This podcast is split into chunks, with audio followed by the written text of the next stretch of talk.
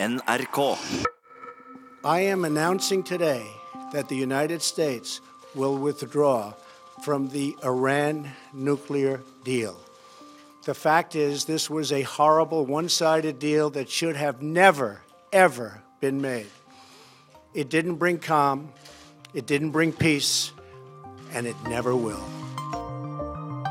Krig og fred. En podkast fra NRK Urix. Donald Trump vraker atomavtalen med Iran. Europa er i klemma. De må bestemme seg for om de vil være lojale mot USA eller lojale mot avtalen. Israel og Saudi-Arabia får det som de vil, men ingen vet hva som skjer i eller med Iran nå. Kan et så høyt spill fra én mann føre til fred?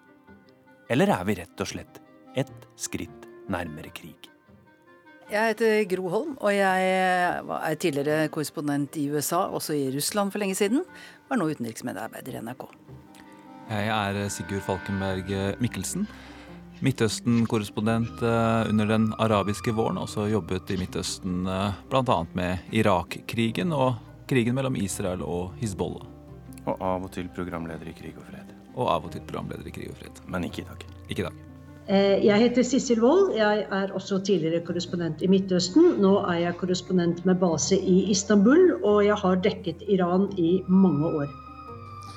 We will be instituting the highest level of economic sanction.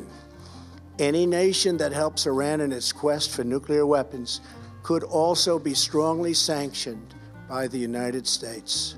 America will not be held hostage to nuclear blackmail. Gro, hvordan opplevde du og tok du til deg denne talen fra Donald Trump? Ja, altså Det var litt rart, for at jeg satt i et møte om noe helt annet. Og så ikke talen når den gikk, og det er jo utrolig frustrerende. Jeg satt med telefonen og så det tikket inn med sånne varsler herfra og derfra fra amerikanske medier og britiske og tyske. Uh, så jeg, det var veldig rart å sitte der. Så jeg gikk hjem og så den selvfølgelig i ettertid. Men uh, Hva var det du var så opptatt med? Ja, jeg var på et foredrag om norske og svenske kultureliter. Veldig fjern fra dette her. Sigurd? Eh, nei, Jeg satt i, et, eh, satt i, studio her i NRK, og vi hadde jo da fått signaler om at han ville bryte avtalen. Eh, men jeg må si at jeg fikk litt bakoversveis. Men, men det var en voldsom, voldsom tale. Hva er det Donald Trump har bestemt seg for nå? Han har sagt opp atomavtalen. Eh, vi går ut, trekker oss, sier han. Gjelder ikke lenger for USA. Eh, og han har bestemt seg for å gjeninnføre alle sanksjonene eh, som var på plass før avtalen ble inngått. Det betyr også sanksjoner mot tredjeland, altså også mot f.eks. EU-landene. Som samarbeider med Iran? Som samarbeider med Iran, som forsøker å gjøre det de kan for å komme inn og investere og, og handle med Iran. Sigurd, hvordan tolker du det store bildet? Nei, Det var et uh, ekstraordinært øyeblikk i, i, verdenspolitikken, vil jeg si. Uh, fordi det var en så kraftig tale. Som man først og fremst kommer til å merke i Midtøsten, hvor ting nå er veldig usikre. og også som kommer til å gjøre forholdet mellom USA og Europa veldig vanskelig i, i årene som kommer. Og sånn som jeg ser det, i hvert fall, så, så tror jeg at dette er det tøffeste øyeblikket mellom, mellom, Washington og, og Europa siden Irak-krigen i 2003. Today is uh, an historic day. It is a great honor for us to announce that we have reached an agreement on the Iranian nuclear issue. With courage, political will, mutual respect, and leadership, we delivered on what the world was hoping for a shared commitment to peace and to join hands in order to make our world safer. 14.07.2015, sommeren for tre år siden, var det atomavtalen med Iran ble kunngjort av EUs utenrikssjef Federica Mogherini. Undertegnet av Frankrike, Storbritannia, Tyskland, Kina, Russland og ikke minst USA og Iran. Joint Comprehensive Plan of Action lyder det formelle navnet. Hva er egentlig atomavtalen? Hva er det som står der? Ja, eh, For det første så forplikter jo da Iran seg til ikke å produsere høyanriket uran, ikke over 3,67% og det er ikke, Da er det langt fra det som kan brukes i våpenproduksjon. Mesteparten av lagrene, 97% skulle da sendes ut av Iran, det de, man hadde anriket uran. Eh, to tredjedeler av sentrifugene som kan produsere anriket uran, skulle ødelegges eller sendes ut. Eh, og den, en, en reaktor hvor man kunne produsere plutonium, som jo også kan bruke i atomvåpenproduksjon, skulle skulle stenges ned og ble stengt ned. Og eh, dette skulle da, Avtalen gjaldt fram til 2030, gjelder fram til 2030, men allerede fra 2025 så skal man lette litt på dette med muligheten til å produsere lavanriket uran og, og, og, forske på det. Det er Irans forpliktelser, og så har du på den andre siden da en, eh, en lettelse i sanksjonene, en gradvis lettelse i sanksjonene, i tråd med at Iran etterlever denne avtalen. Og det har de jo gjort, ifølge Det internasjonale atomenergibyrået. Hva slags prestasjon var den avtalen da den kom? Eller hva slags, eh, hva slags status har den hatt? Det ble jo regnet som altså, absolutt ja, noe av det største som er oppnådd innen internasjonalt diplomati etter, eh, etter andre verdenskrig. Det er klart du har andre nedrustningsavtaler, som startavtalen, eh, avtalen om mellomdistanseraketter, men det er på det nivået. Dette var en stor internasjonal avtale, og det ble regnet som, som ja, en stor Eh, prestasjon at man klarte med så mange land klarte å få til en sånn avtale. og Det ble regnet som et viktig skritt for å sikre freden i Midtøsten. Og vi skal huske på at eh, De var jo veldig høyt oppe i spekulasjonene om forhandlerne eller noen av deltakerne skulle få Nobels eh, fredspris. Sissel, du har jo dekket Iran tett. Hva slags status har atomavtalen hatt der? Eh, den har fungert eh, utad fordi at eh, Iran har oppfylt kravene fra, FNs vaktbikkje IAEA. Men innad har den, jo ikke fungert på samme måte. Hassan Rouhani har knyttet all sin politiske prestisje og sin fremtid til denne Iran-avtalen. Han har lovet unge iranere uten arbeid. Det er jo veldig høy arbeidsledighet i Iran blant unge. Eh, at de skulle få jobber, at eh, økonomien ville få en boost eh, så snart denne avtalen fungerte også økonomisk. Han håpet at det var mange europeiske og internasjonale selskaper som ville komme og investere i Iran. Dette ville skape bedret økonomi, flere arbeidsplasser, flere muligheter. Men slik har det ikke gått. Så iranerne selv har ikke fått noe resultat de har ikke sett at løftene fra Rouhani er blitt innfridd. De har ikke sett at atomavtalen har bedret deres liv. The Iran deal was one of the worst and most one sided transactions I've ever seen drawn by anybody, ever, ever. And I mean never. Frankly, it was totally one sided. It should have never been made. Believe me, wherever there's trouble, Yemen, Syria, no matter where you have it, Iran is behind it. Today, I am announcing our strategy to ensure that Iran never, ever, ever, and I mean never, acquires a nuclear weapon. If they restart their nuclear program, they will have bigger problems than they have ever had before. Big, big problems. I can tell you that. And we'll see what phase two is. Phase two might be positive and it might be very negative. But I will say, uh, If Iran threatens us in any way, they will pay a price like few countries have ever paid. Gro, det er lett å forstå at Donald Trump ikke har så mye til overs for eh, Iran-avtalen. Men hva er egentlig ankepunktene hans? Altså, han, altså En ting er hva han gir som begrunnelse. Det er jo dette at uh, de produserer fortsatt uh, langtrekkende raketter.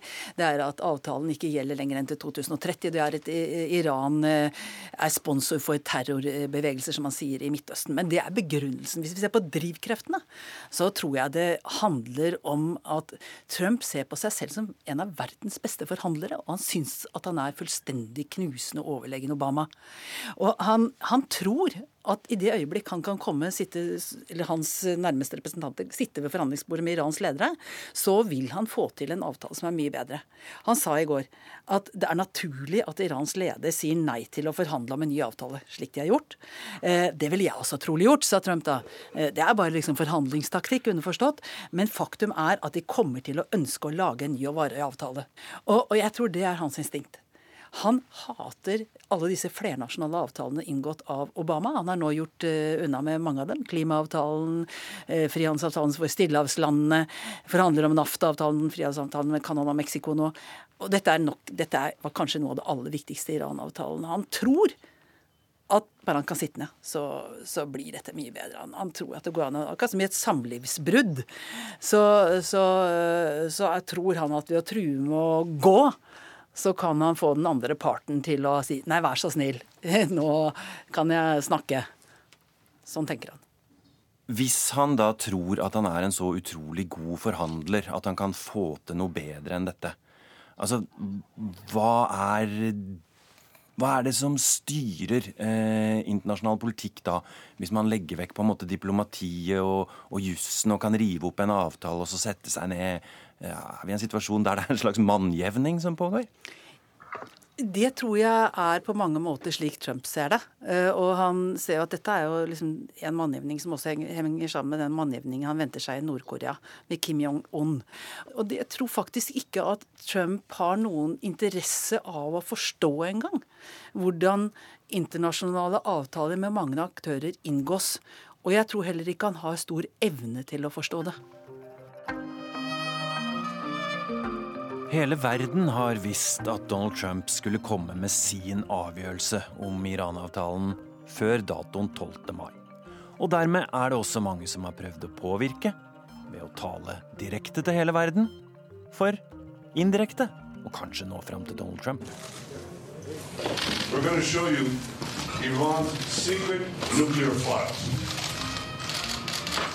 You may well know that Iran's leaders repeatedly denied ever pursuing nuclear weapons. Well, tonight I'm here to tell you one thing.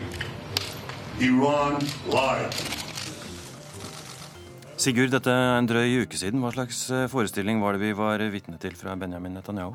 Det var jo en, si, en klassisk Netanyahu-PR-forestilling, hvor han eh, dro fram Eh, da dokumenter eh, som eh, Mossad etter sigende hadde tatt fra et lagerhus i Iran, fraktet til Israel, og da framvist med stor bravur og selvsikkerhet, som skulle da bevise at Iran var, eh, eller holdt på, eh, å utvikle en atombombe i skjul. Eh, så har jo i ettertid det blitt motsagt, og sagt at dette var dokumenter som påviste at det var et spill i forkant av atomavtalen, men ikke at det har vært et brudd på selve Iran-avtalen. Men uavhengig av det så har jo det gått rett hjem hos Trump. Fordi han brukte jo det i talen i går som et helt kjerneargument, at Israel har påvist at Iran lyver. Så eh, jeg tror Netanyahu han har eh, en direktelinje til Trump. Om han bruker det via TV eller Fox News eller hva han gjør, så, så går argumentasjonen hjem, i hvert fall. Gro, tror du Netanyahu og Trump hadde avtalt dette på forhånd? Jeg tror nok de har snakket sammen. Jeg tror uh, Netanyahu har vært veldig klar over hva han ville si, og når det kom til å bli sagt, og, uh, og har tilpasset seg deretter. Men han spiller jo nærmest på Trump som uh, en fiolinist på sin fiolin. Han, han, vet at det han gjør, har effekt nærmest umiddelbart. Og så var det helt slående under Trumps tale også, om da han gikk bort fra Iran-avtalen. Da satt jeg og fulgte med, og da var Benjamin Netanyahus tale nesten klar på sekundene idet det Trump var av lufta, så gikk eh, Netanyahu på. Og dette er også en kamp om uh, etterspillet. For alle, alle, reaksjonene kom. Rouhani var på banen, EU var på banen, Macron var på banen. Men Netanyahu han tok senterscenen, holdt jeg på å si. Han tok sentrum av scenen en gang Trump hadde gått av, og så var selvfølgelig veldig fornøyd. Det er en annen aktør som har vært skeptisk til Iran-avtalen på samme måte som Israel har vært, nemlig Saudi-Arabia. Vi har ikke hørt like mye fra dem. Hvorfor ikke? Jeg tror de har sett seg tjent med å la Netanyahu styre dette showet. Eh, men de har jo ikke gjort, noe, uh, gjort noe, hemmelighet av at de er sterke motstandere av avtalen. Uh, og også sterke motstandere av Iran. Og det kommer jo opp hver eneste gang i veldig, veldig direkte språkbruk derfra også. og det var jo snakk om en periode Da har ikke brukt det, det, det, bildet lenger med at de skulle måtte kutte hodet av slangen og en del sånn, så den type språkbruk om Iran.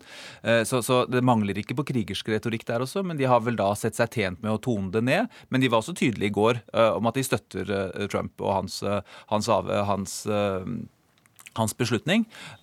og i hele sunnimuslimske Midtøsten så har det jo vært en stor misnøye med Obama og med Iran-avtalen som et kjernepunkt. Gro, betyr det at uh, den tradisjonelle amerikanske alliansen med Saudi-Arabia og Israel nå er gjenoppretta og forsterka, mens det tradisjonelle fiendskapet med Iran er tilbake? Ja, det tror jeg trygt man kan si, men det har skjedd for lenge siden. Altså, det skjedde jo allerede i forbindelse med at eh, Trump besøkte Saudi-Arabia og ble mottatt som en konge med sverddans og i det hele tatt eh, Saudi-Arabia og Israel var de to første de to landene første han reiste på besøk til. Så, så, så, den alliansen er sementert eh, for lengst. Men hvis du ser dette fra Tel Aviv, fra Riyadh, fra Kairo, så ser ikke de et Iran som ønsker dialog, som ønsker eh, samkvem. De ser en aggressiv, ekspanderende statsmakt som tar over mer og mer kontroll i Syria, som tar over mer og mer kontroll i Iran, som tar over mer og mer kontroll i Libanon, og som også uh, er en del av konflikten i Jemen. Dette har mange lag i seg, men sånn ser verden ut derfra. Og det er klart at alt Trump sier der, det, det, det, det resonnerer veldig fint uh, i de hovedstedene. Og det er også en virkelighet man må ha med seg uh, i forståelsen av dette. My name is Javad Zarif. and I'm the Iranian foreign minister. Let me make it absolutely clear once and for all. We will neither outsource our security, nor will we renegotiate or add on to a deal we have already implemented in good faith. The US has consistently violated the agreement, especially by bullying others from doing business with Iran. Sissel, hvordan har du forstått uh, iranernes uh, forsøk på å nå fram til Donald Trump? Ja, Utenriksminister Javad Zarif er jo en veldig kjent skikkelse på den internasjonale scenen. Han snakker perfekt uh, engelsk, og han var med på å fremforhandle atomavtalen. Og han var sammen med John Kerry og alle de andre da dette ble signert og feiret. Eh, så han har jo prøvd å advare og også si at Iran har holdt seg til denne avtalen. og Ingen vet hva konsekvensene blir hvis avtalen kollapser. Og da, som han sa i denne beskjeden på YouTube, at da vil Iran eh, finne hvordan man skal reagere på USAs eh, trekk eh, på den måten Iran finner det best å reagere på. Eh, president Rouhani har lagt eh, ganske mye i potten. Eh, satsa ganske mye på denne atomavtalen. Hva er hans situasjon nå som Trump vraker avtalen? Han blir jo latterliggjort av sine politiske rivaler i Iran, hardlinerne, som hele tiden har sagt at vi kan ikke stole på USA. Og nå får jo hardlinerne rett. Så Rouhani står igjen som den som var naiv, den som var dum, den som gikk inn i samtaler med USA og vestlige land. Og han har ikke fått til noen ting. En av de tingene som blir spennende å følge med på, er jo nettopp eh, maktkampen som kommer nå i uh, Iran. Uh, og jeg var i uh, Teheran da Rouhani ble innsatt. og da var det ganske fascinerende å se Uh, hvordan de to leirene posisjonerte seg. Uh, og jeg var bl.a. på talen til en av fredagsbøndene, som da er på en måte, de konservatives uh, bastion. Og da kjørte de en voldsom retorikk om at vi klarer oss selv, vi har en egen økonomi. Og dette er en sånn klassisk revolusjonsretorikk om at, om at iranerne klarer seg selv, for de har vært gjennom så mye. Men da var det likevel et åpenbart flertall for at vi må åpne opp, vi må få en mer moderne økonomi. Men det er klart at pendelen kan jo svinge nå under press utenfra. Det vil gjøre situasjonen for alle som ønsker et mer åpent Iran og et annet Iran, at den svekkes. Og i hjertet her ligger jo da et spørsmål om, i hvert fall sånn jeg også leste Trump og hans folk, de han har rundt seg, er et spørsmål om regimeendring. Det tror jeg er ganske langt unna. Og fordi det er ikke noen reelle alternativer her. Men at vi kan se en maktkamp internt, det tror jeg, det tror jeg kan komme. Folk flest håper jo å se endringer i livene sine, og det er særlig veldig mange arbeidsledige unge iranere, mange av dem er veldig godt utdannet, som ikke finner arbeid fordi den iranske økonomien har store problemer. En del av det skyldes korrupsjon, men en del skyldes også at atomavtalen ikke fungerer inne i Iran. Fordi vi ser at den har fungert utad, det som handler om atomprogrammet. Men det som handler om økt handel og økt investering med Vesten, det har ikke fungert på samme måte. Så folk har ventet og ventet på å se om Hassan Rouhani greier å innfri løftene sine når det gjelder at folk skal få et bedre liv og flere arbeidsmuligheter. Sissel, sånn jeg har forstått det, så har det vært snakk om at franske bilfabrikanter som eh, Renault og Peugeot skulle bygge både 150 og 200 000 biler i året i Iran. Du har møtt noen av disse folkene? Ja, absolutt. Ehm, jeg intervjuet dem i februar, og da var de veldig høyt oppe. Jeg traff dem på en svær bilmesse. Der var det mange iranske forretningsmenn til stede også. Og her var det tydelig at det var veldig god kjemi mellom franskmennene og iranerne. Det var stor optimisme. Eh, de visste at det er langt frem, det er hindringer i veien fordi at det var mye usikkerhet rundt hva Donald Trump ville gjøre med Iran-avtalen. Men de sa at vi er her for å bli. Vi tror på det iranske markedet. Det er et enormt potensial her. Men hva i all verden skal skje med disse avtalene nå? Det er jo det store, store spørsmålet.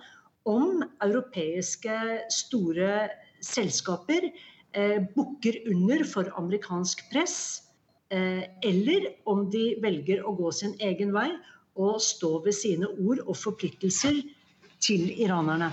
Er det mulig å tenke seg at Iran-avtalen fortsetter å eksistere bare uten USA? Altså, går det an å tenke seg at atomavtalen kan opprettholdes med, med Europa og de andre partene, med, med USA plassert på sidelinja? Altså, eh, president Rouhani har jo sagt det. At det er akkurat det han kan tenke seg. Eh, og det er klart Kina og Russland vil sikkert være for det. EU er i prinsippet for det. Men spørsmålet er hva som skjer i det øyeblikk handlingsrommet for EU-landene blir skrumper. Ja, For da setter du egentlig situasjonen mellom ja. Europa og USA fullstendig ja, på spissen? Ja, når det skrumper fordi eh, deres næringsliv rammes av amerikanske sanksjoner mot tredjeland. Hva gjør Europas ledere da? Jeg tror det er der vi kommer til å stå. Det blir det store spørsmålet. Europa havna i skvisen her, Sigurd? Veldig. Eh, og det er også et, et, av de sentrale elementene her. Hva skjer mellom USA og Europa nå? Uh, Europa kommer til å måtte ta noen veldig vanskelige beslutninger. Skal de uh, stille seg bak USA og Trump og den gamle alliansen over Atlanterhavet? Eller skal de velge sin egen vei når USA velger Kina alene en gang? og så er det en liten tvist på det, er jo brexit og Storbritannia. Vil de velge en annen linje enn resten av EU. Det er, også, det, er også et, det er også et element der, særlig når man vet hvor sentralt London er for internasjonal finans. La oss høre på Boris Johnson, som rett og slett reiste til USA for å forsøke å påvirke Donald Trump. Han fikk aldri møte han, men han skrev leserinnlegg i New York Times og ga masse TV-intervjuer. Og la seg på en eh, nokså smigrende tilnærmingsmåte eh, for å nå fram til Donald Trump. Well, the president set the world a legitimate challenge in January, which was to try to address a lot of the bad stuff that Iran is, is doing in the region. Well, we think we can fix all that. Working with our European friends, we think we can be tougher on, uh, on Iran, but not throw away that, the, the heart of the deal, which is all about stopping them getting a nuclear weapon. Well, they, they won't. We've got to be very clear about that. Jeg tror til og med Boris Johnson sa noe slik som at uh, Hvis eh, Barack Obama fikk fredsprisen for å gjøre absolutt ingenting, så måtte vel Donald Trump kunne få den hvis han fiksa forholdet både til Iran og Nord-Korea. Altså, Det kan man jo være tilbøyelig til å være enig med ham i. Fordi, men det har jo like, like mye med hva, hva, Obama ikke oppnådde å gjøre. Men det er klart, skulle han, skulle han få til eh, avtale både med Iran og Nord-Korea, så, så, vil jo det være stort og være noe som kan være en fredspris verdig. Det kan man ikke være uenig i. Eh, det er eh, grunnleggende sett et ekstremt risikofylt spill, hvor han legger Iran og Nord-Korea i potten samtidig. Og det han ønsker, er å parallelt legge press på nordkoreanerne, si dette er hvordan jeg forhandler, og samtidig ønske å reforhandle Iran. Og han samtidig som han sa at han bryter Iran-avtalen, så sa han i samme tale eh, at han også sender sin egen utenriksminister Mike Pompeo til Nord-Korea. Eh, sånn at Han har kobla disse to tingene sammen nå i en ekstremt risikofylt eh, strategi, hvor det også er veldig vanskelig å se noen vei ut hvis det først skulle gå galt. Sånn at vi er oppe i et, et, et, et ganske spent øyeblikk i verdenshistorien. Men Gro, hjelp meg, jeg skjønner ikke den strategien helt. Hvordan kan han bryte en avtale med Iran for å ville oppnå en avtale med Nord-Korea? Ja, Tankegangen er jo igjen dette to menn rundt et forhandlingsbord. ikke sant? Er, hvis jeg eh, viser at jeg kan gå, eh, selv om det står mye på spill, så har du en stor interesse av å bli sittende så lenge jeg sitter. Altså, tenker at han styrker sin egen eh, posisjon. Kritikerne vil jo si at akkurat det motsatte er tilfellet. At det viser at man kan ikke stole på USA. Så her er det to måter å forstå forhandlingsspill på, hvor Trump da klart, som Sigurd var inne på, eh, mener at det å gå nå og ha begge ting i spill på en gang, styrker sjansen til å oppnå noe på begge arenaer. Ja, Kan det tenkes at han har rett? Altså, hvis han har rett, så vil jo det definitivt gå inn i historien som et av de store eksemplene på ja, eh, de store klassiske tingene man vil studere i internasjonal forhandlingsdiplomati. Uh, men det er jo nettopp risikoen for at han tar feil, uh, som er så uh, dramatisk, og hva det kan føre til. Og så er det noe annet å forhandle om krig og fred eh, enn å forhandle om eiendomsdealer i New York. Eh, og han forhandler da med de to mest gjenstridige eh, regimene vi har i verden nå, nemlig Den islamske republikken og regimet i Nord-Korea. Å få bevegelse der er ekstremt vanskelig. Og det er ingen garanti for at dette lykkes, verken i Nord-Korea og enda mindre i Iran. De holdt på i tolv år for å få til Iran-avtalen. Og nå skal han liksom gjøre det, fikse det på, på noen, noen, måneder, sånn som han ser det for seg. Eh, foreløpig er det store ord, eh, mye påfuglfjær eh, og eh, lite handling.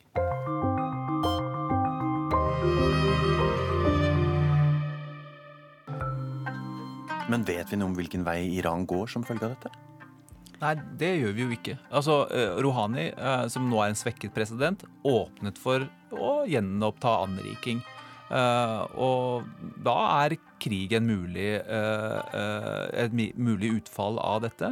Jeg vil tro at det kommer til å uansett gå en tid før noe sånt skulle skje, men mulighetene er der i større grad enn tidligere. Det vil ikke si at det blir det, men mulighetene er der. Vi er litt nærmere krig enn fred etter denne ukas episode av Krig og fred. Det tror jeg. Det tror jeg absolutt. Eh, fordi her henger jo alt på Kan Europa og EU eh, e og Iran eh, fortsette uten USA?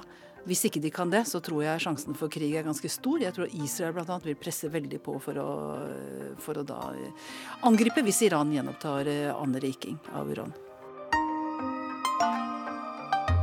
Du har hørt podkasten Krig og fred med Tore Moland. Thank you for listening and good day.